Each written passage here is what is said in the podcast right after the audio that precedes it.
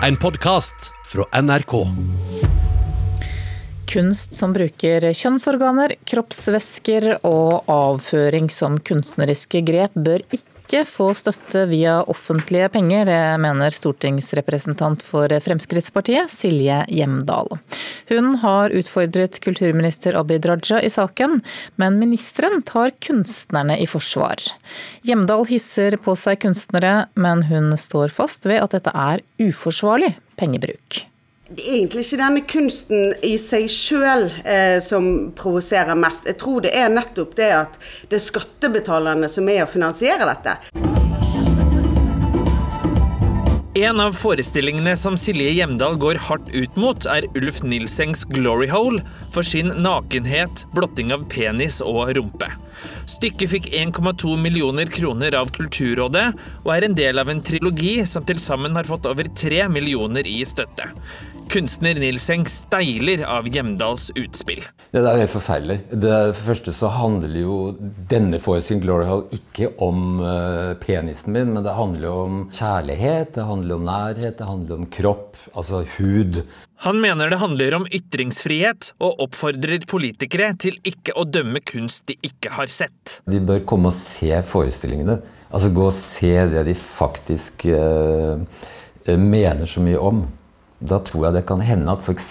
med Glorial at hun Frp-dama her hadde kanskje syntes at den var ganske fin. Kultur- og likestillingsminister Abid Raja mener det er viktig at politikere ikke legger seg opp i hvordan kunstmidler fordeles. Hele poenget er at kunsten skal være fri. Vi politikere skal ikke fengsle kunsten. Vi skal slippe kunsten fri og ha armlengdes avstand. Det er ikke politikere som skal verken bedømme eller dømme kunst. Vi skal gi midler og så er det da altså det kunstfaglige råd som ligger til grunn for hvem som skal få støtte eller ikke. Men FrPs Silje Hjemdal står på sitt. Hun mener denne saken viser at dagens ordning med utdeling av midler bør gås i sømmene.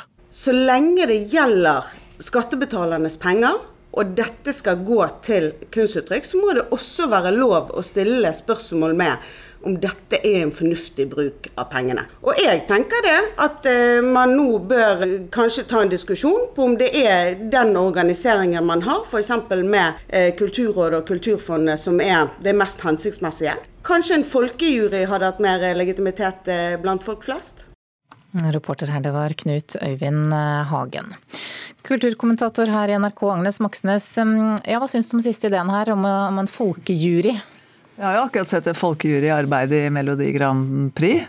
Eh, og der passer det jo kjempegodt, fordi at alle vi har holdt på med Melodi Grand Prix i 60 år i Norge, alle har en klar forventning til hvilken sjanger det er snakk om der.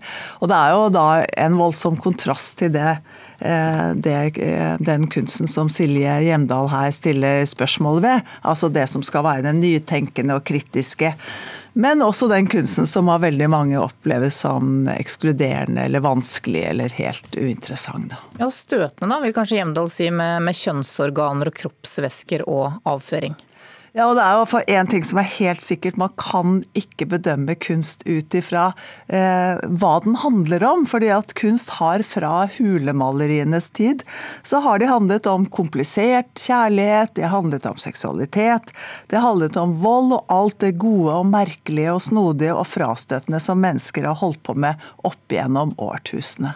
Så er altså kulturministeren opptatt av at politikerne skal ha eh, såkalt armlengdes avstand til kunstnerøkonomien. Hvorfor er det et, et argument? Altså hvis man skal snakke med litt store og prinsipielle bokstaver, og det skal man egentlig når det gjelder dette spørsmålet her, det er jo fordi skrekkbildet vårt er av totalitære stater, der kunstnere og kunsten er blitt godt betalte instrumenter for, for eh, makthaverne og systemet.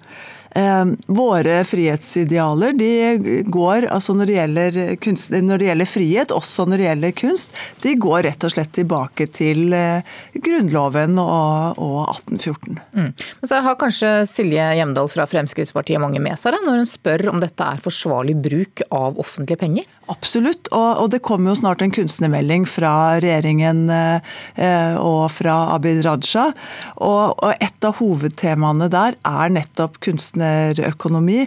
Og det spørsmålet Silje Hjemdal kan se nærmere på, det er jo om det er kvalitetskunst som blir oversett pga. makt maktstrukturene innad i kunstnermiljøet. Altså hvordan da de offentlige eller skattebetalernes penger blir eh, fordelt. Men vi vet jo at dette ikke er første gang at det er en debatt om eh, hva slags kunst som får penger. Nei, Siste gang det virkelig tok av var jo i forbindelse med teaterstykket 'Ways of Seeing'. Og hvis det hadde vært en folkejury som hadde bestemt eh, på 1800-tallet, så ville det ikke blitt delt ut stipendier og produksjonsstøtte til Henrik Ibsen og Edvard Munch, fordi at de var i sin tid eh, ganske skremmende typer.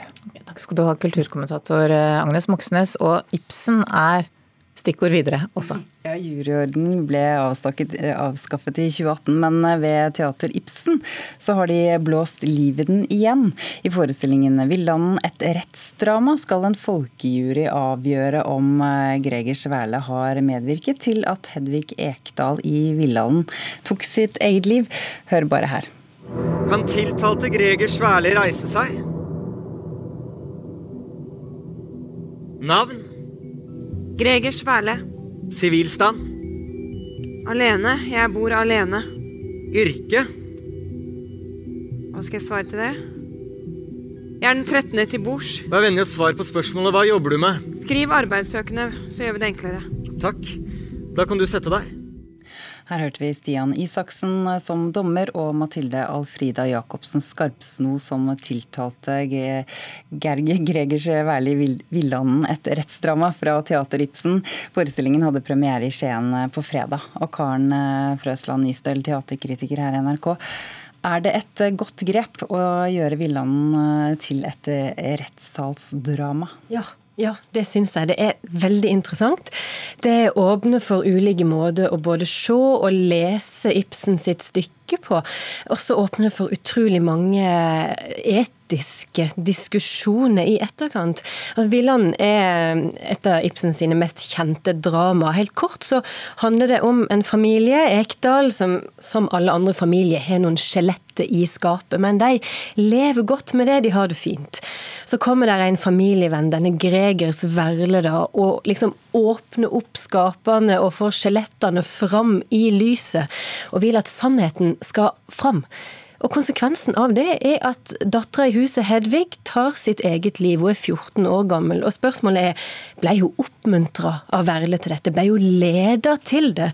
Eh, og i forhold til vår egen tid, sånne oppmuntringer til å begå sånne handlinger skjer jo digitalt. Det skjer i skjulte rom, eh, det skjer på nettet. Og bare det å diskutere sånne ting skyld i forhold til dette, er faktisk veldig interessant. Og det oppmuntrer jo dette dramaet på sett og vis til.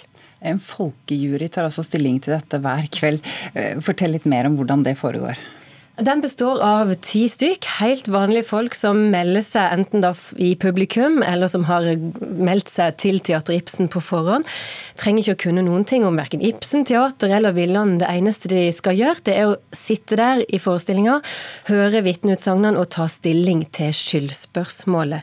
Så de blir iført sånne svarte dommerkapp og de skjermes fra øvrig publikum. Og så sitter de da i rettssalen gjennom hele stykket. Og så til slutt så krysser de av på et skjema, avgir dom, og så når denne dommen da summeres opp, så, så, så kommer utfallet. Og det er alt fra om Gregor Sverle har medvirka til at eh, Hedvig tok livet sitt, om, om han har forlatt henne i en hjelpeløs tilstand, eller om han er uskyldig. Og strafferammen er på inntil 21 år, så det er ikke noe, det er ikke noe tull, liksom. Som vanlig så høres Ibsen veldig moderne ut, men er det sånn at dette da skal være i nåtid, eller er det Ja, jeg oppfatter det som i nåtid. Eh, men, eh, men disse personene fra villaen de, de, er som levende døde. De skyter ut fra noen sånn kiste i scenografien og står opp og er De er liksom vekka til live fra de døde. Og de framfører sine vitnemål med stor patos og mye følelse. Og der kolliderer det litt for meg. De, de klarer liksom ikke helt å Jeg klarer ikke å beholde rettssalsfølelsen når det er så store følelsesutbrudd, når de angriper hverandre på scenen. Så er det noe der som skurrer litt for meg. Selv om når man skal framføre vitnemål, så er det kanskje mye patos og mye følelse, men ofte er det dette nøkterne rettssalsspråket som gjør ting til, som kan skape store følelser i, i publikum. da. Og så kommer disse elevene døde inn med hver sin lampe i hånda, ulike typer lamper for å belyse saken, eller lyse opp mørkeloftet som Hedvig endte sitt liv på. Men dette grepet syns jeg heller ikke helt fungerer inn. Det mest interessante er faktisk rettssal og jury, spør du meg. Takk, Karen Frøsland Nystøl, teaterkritiker her i NRK. Og Villanden, et rettsdrama, spiller i Skien og skal også turnere i Vestfold og Telemark. Du har hørt en podkast fra NRK. Hør flere podkaster og din favorittkanal i appen NRK Radio.